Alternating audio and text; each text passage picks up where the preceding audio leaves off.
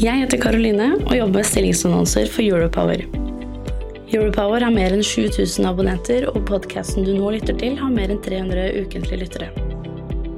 Hvis du er på jakt etter ny jobb, se stilling.europower.no. Ta også gjerne kontakt med meg dersom du ønsker å annonsere ledige IT-stillinger i fornybar energibransje.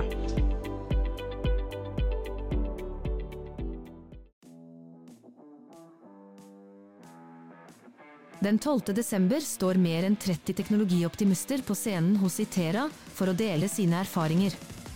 Det er helt gratis å delta. Se 8minutter.no for mer informasjon. Jeg er ikke et menneske, men en stemme generert med kunstig intelligens. Du lytter til Teknologioptimistene fra Europower Partner. Redaksjonen i Europower har ikke medvirka i denne produksjonen. Høye renter, inflasjon og kostnadskutt preger store deler av næringslivet. Hva betyr det for innovasjon? Er det slik at nød lærer naken kvinne å spinne, eller vil vi ende opp med å spare oss til vann? Og hvilken rolle spiller IT-gründere med tanke på å gå til et nullutslippssamfunn? Velkommen til Teknologioptimistene. Jeg heter Skjul Kristian Aamodt og jobber på kommersiell side i Europower. Og med meg i studio i dag så har jeg Rolf Asev, en nestor innen startup-miljøet i Norge. Velkommen.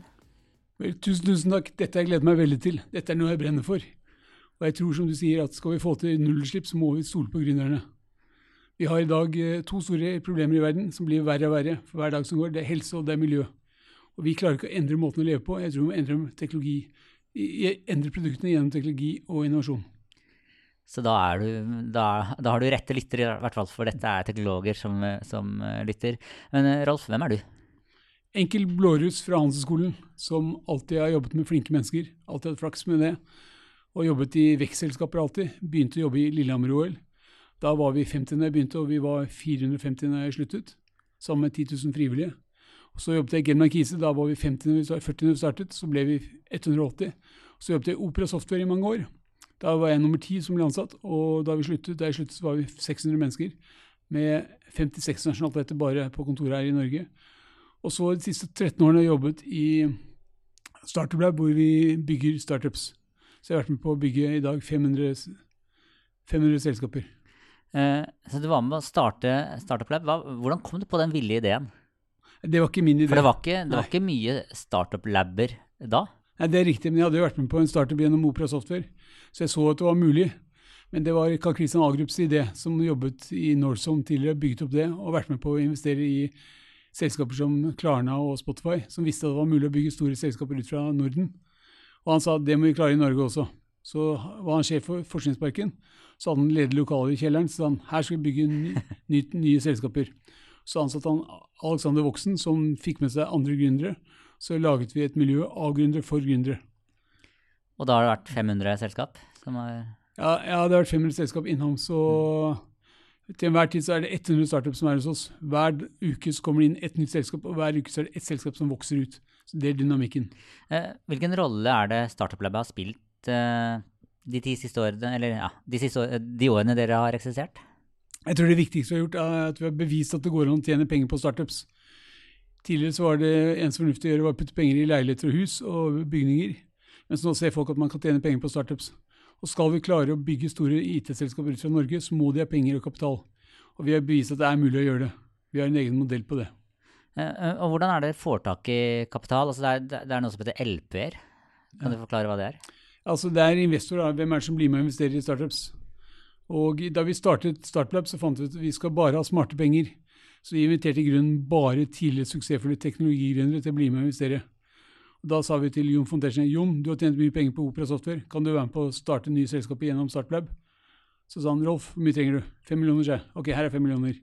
Og så alle andre spurte fikk vi penger av. Så da hentet vi 30 millioner kroner, det var ikke mye penger, men det var nok til å sette i gang. Og Da var tanken vi skulle investere i selskaper som vi hadde jobbet med over en periode. Og modellen var veldig enkel. Vi skal få de beste selskapene inn i Startlab. Får vi det beste inn, så får vi det beste ut. Så vi skulle bare ha de flinkeste gründerne. Og måten vi gjorde det på, var litt spesiell. Vi kjørte nattklubbprinsippet. Det vil si at klokken 11 om kvelden så er det på den hotteste nattklubben så er det stor kø utenfor og ingen inne. Likevel står man i kø for å komme inn der, for der vil man inn. Vi gjorde det samme på Startblaug. Vi hadde stor kø utenfor, så sto vi i døren og plukket ut du, du og du, men ikke du. Så der slapp vi en type Kahoot og Remarkable og Atensi. Så det ble veldig bra folk som kom inn. Og etter hvert så ble det bare folk som, bra folk som var inne, og den køen utenfor vokste og vokste. Så i starten tok vi inn én av ti som banket på døren for å få lov til å komme inn. I dag så er det enda mer populært. I dag tar vi inn én av elleve. Fantastisk. Jeg eh, spilte faktisk i band i studia med Alf Inge Wang, som var med å starte Kahoot, han professoren. Ja, ja. Eh, og jeg husker han sendte meg en melding, jeg har spart på den meldingen, for å var på LinkedIn, Mm. der han eh, lurte på om jeg hadde lyst til å teste noe som han drev og, og sysla med, som het Kahoot. Mm. Men jeg, jeg, jeg testa det ikke, jeg burde jo investert. Ja. Det er utrolig hvordan ting kan vokse. Ja, ja, absolutt. absolutt. Men Kahoot er, det er ikke veldig tung teknologi. Det de har vært flinke på, er bygge, bygge markedsføring og et kommune til å lære. Fantastisk dyktige. Eh, du har jobba mye. altså Før vi skrudde på mikken her, så, så fortalte du at nå går du mest turer når du har møter. Altså, kan du fortelle hva, hva, hva var det som skjedde? Nei, For fire år siden så fikk jeg hjerneslag på jobben. Da satt jeg med noen gründere, og så plutselig så sa min kollega at Rolf, nå tror jeg det er noe galt med deg. Så ringte han eh, sykebil, og så kom det sykebil, så viste at jeg hadde fått hjerneslag. Så det tok et år med veldig mye trening på Sunnaas sykehus annet. Men kom tilbake. Men jeg kom tilbake, så fant jeg ut at sitte i mørke møterom, det er ikke så smart. Jeg må heller gå turer. Og på Sunnaas hadde jeg gått turer hver morgen med øh, mine medpasienter, som var veldig ålreit. Så det fortsetter jeg med. Så nå går vi turer med gründere, og det fungerer veldig bra. Det begynner som følger. Hvordan går det, spør jeg. Så, ja, det går veldig bra, sier de. Så går vi fem minutter over broen til universitetet. Så spør jeg hvordan går det egentlig. Og da får jeg historien. Da får vi de store problemene får diskutert det. Og i og med at jeg har vært sårbar, så skjønner de at de kan være åpne for meg. Så de åpner seg veldig. Vi diskuterer all- alle mulige problemstillinger. Så det er en bra måte å diskutere på. Og det å være gründer er å være veldig ensom. Du er veldig ensom. Kanskje du har et styre, styreformann som er flink til å jobbe med det. Men vår jobb er ofte å være samtalepartner med gründere og støtte de. Eh, hvordan går det egentlig med deg, da? Nei, det går veldig bra. Jeg har hatt kjempeflaks. Jeg tror litt eh, når du, Hvis du blir syk, så må du ha veldig posi- du må ha positiv innstilling. Det har jeg alltid hatt. Og et bra støtteapparat. Det har jeg også hatt. Både på jobben og hjemme og med venner. Så det har gått veldig bra. Men fortsatt er det trening.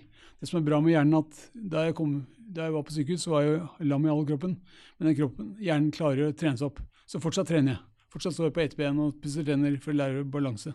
Men det går bra. Så det eneste jeg har, er mindre energi. Men jeg hadde veldig mye, så folk er kanskje happy med det. Nå, er, det, nå, er, det, nå er det sånn som oss andre. Uh, du sier at du går uh, turer med gründere, og så snakket du om nattklubbsprinsippet uh, med kø utenfor.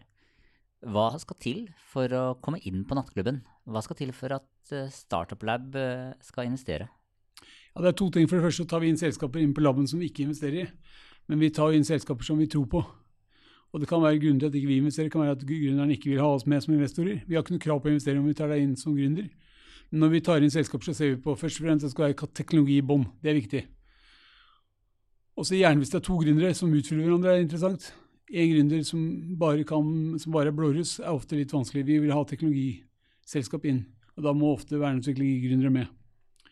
Og jeg personlig ser på én ting. Jeg ser det i øynene og ser om det er, er det passion i øynene. Er det passion som driver deg? For hvis det ikke er passion, hvis det er penger som driver deg, så kommer du aldri til å lykkes. Da kommer du til å selge butikken altfor tidlig. Og jeg sier til gründere hvor lenge tror du du er gründer? Det er to år skal jeg selge butikken, sier de. Det er helt feil, det tar deg ti år. Og det er ti år med motbakke. Klarer du det?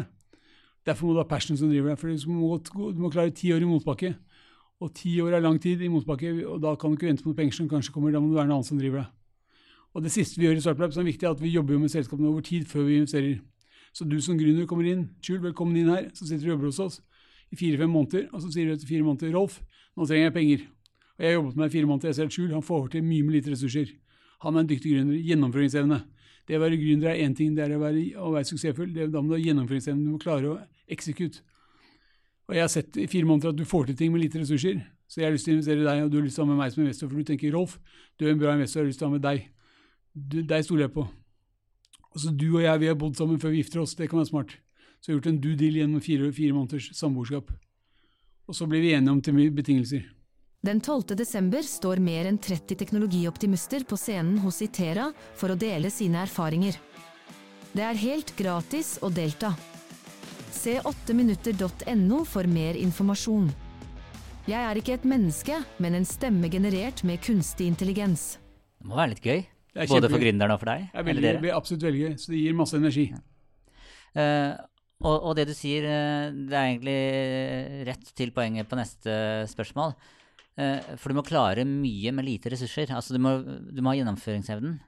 Eh, og så er det jo da mange det jeg kaller trauste energiselskap, som har sin egen venturearm. Det er Eveny Venture, Hafslund Venture, Equinor Venture, Eidsiva Vekst osv. Men kan man egentlig drive ekte innovasjon når man må forholde seg til sånn corporate eiere? Så, altså Vil ikke tyngdekraften bidra til at uh, startups i corporate jobber for sakte og, og blir for late? Ja, det er vanskelig, for innovasjon er jo ofte, har, har, med kultur å gjøre. Og innovasjon er jo ofte å ha en kultur for å tørre å feile. Hvis du ikke tør å feile, så tør du heller ikke å ta noen sjanser. Derfor vinner gründerne veldig ofte, for gründerne har ingenting å tape. Om de taper, så løper de bare videre med et nytt selskap. Så de tør å ta sjanser. Så jeg sammenligner ofte gründere med folk i dress. Du er, du er, en teknologikar i et stort selskap, og du får beskjed om å komme opp med en ny teknologi. Hva gjør du da? Du bøyer deg ned, så knytter du de spisse laksene dine, og så går du ut, så står du og venter på heisen skal komme. og Så står heisen opp og går ut på gaten, og der følger du for, for, fortauet bortover til du kommer til rødt lys, går over veien. Da venter du på grønt lys, selv om det er ingen biler her. Så går du over når det er grønt lys. Mens en gründer vil jo bare snu seg rundt med sin hettegenser og joggesko og løpe opp trappen og sjangle seg over veien der det ikke er biler, og være framme ti minutter før deg. Så gründeren jobber på en helt annen måte. Så jeg tror nok, som du sier, at kulturen til gründere er å løpe fort. Og det er nettopp det som er definisjonen på en gründer, er å løpe fort.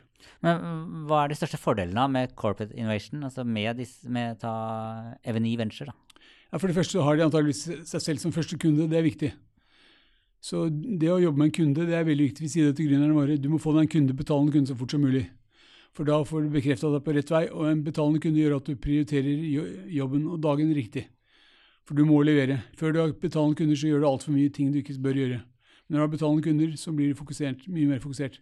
Og det er klart, det å ha en, en betalende kunde, i, selv om det er eieren din, så er det også en betalende kunde som tvinger deg til å levere til et visst tidspunkt. Så jeg tror på det med en innovasjon. Jeg tror at alle selskap driver med innovasjon i dag, men det er mindre innovasjon. Ta Volvo. De innoverte jo alle bilene sine. ikke sant? I år så har vi klart å komme opp med ryggekamera. I år, neste år har vi laget ABS-bremser. Helt fantastisk.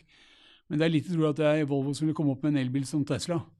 Og det er lite tro at det var Volvo som ville tørre å endre hele distribusjonsstrategien ved å begynne å selge bilene sine på internett og ta forhåndsbetaling. Ikke, ta, ikke la brukerne kjøre, prøvekjøre biler med forhandlere rundt omkring i Oslo.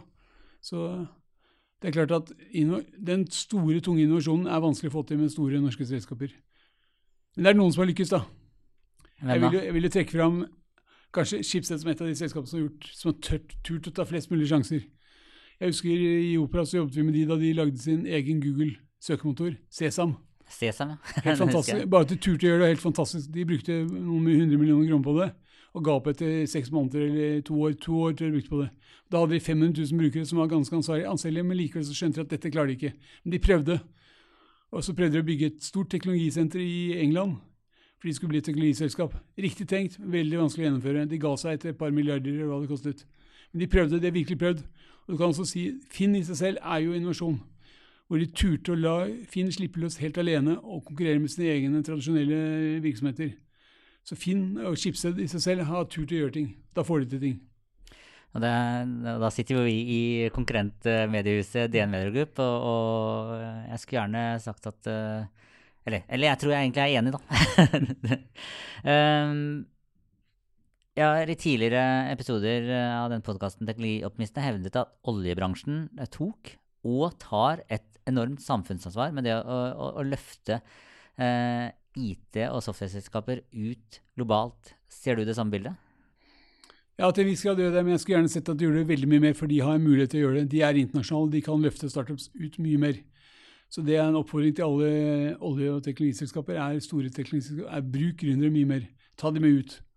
Eh, og så har jeg altså en påstand om at fornybarbransjen ikke er så god til det. Hva tenker du rundt det?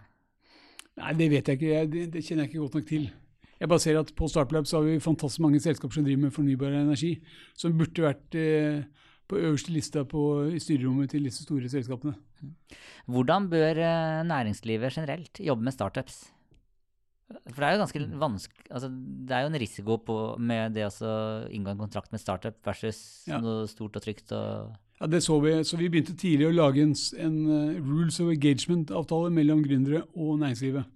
Så vi lagde et partnerprogram i Startlab. Så vi har i dag 20 partnere som betaler penger til oss mot at vi skal hjelpe dem med å bli mer gründerfokusert. Dvs. Si lære seg å jobbe som gründere og treffe gründere. Ja, Så dere lærer opp eh, store corporate-selskaper til å Delvis ved å prøve å la dem forstå hvordan gründerkulturen er, hva de må gjøre, at de må ta sjanser.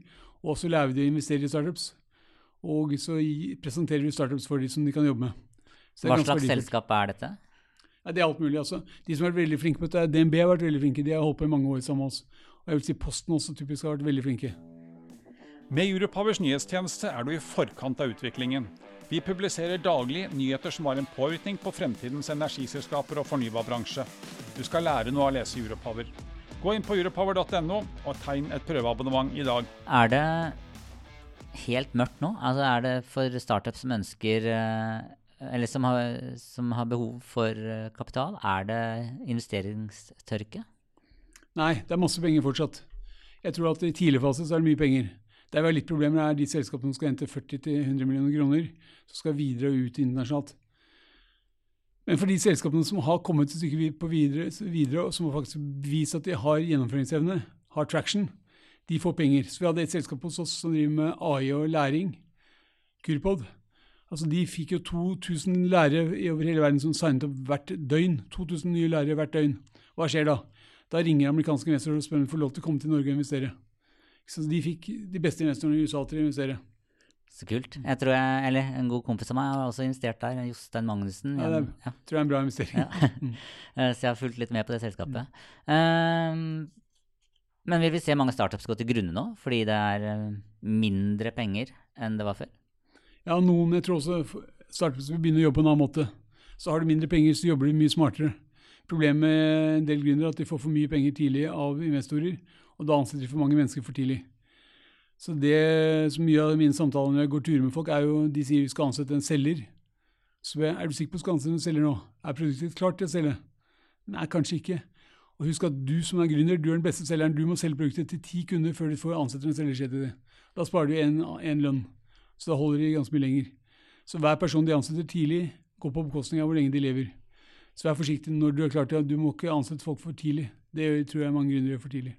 Hvilke råd vil du gi til gründere som ønsker å pitche sin idé for investorer? Altså, hva må være med i pitchen for at man skal komme gjennom nåløyet?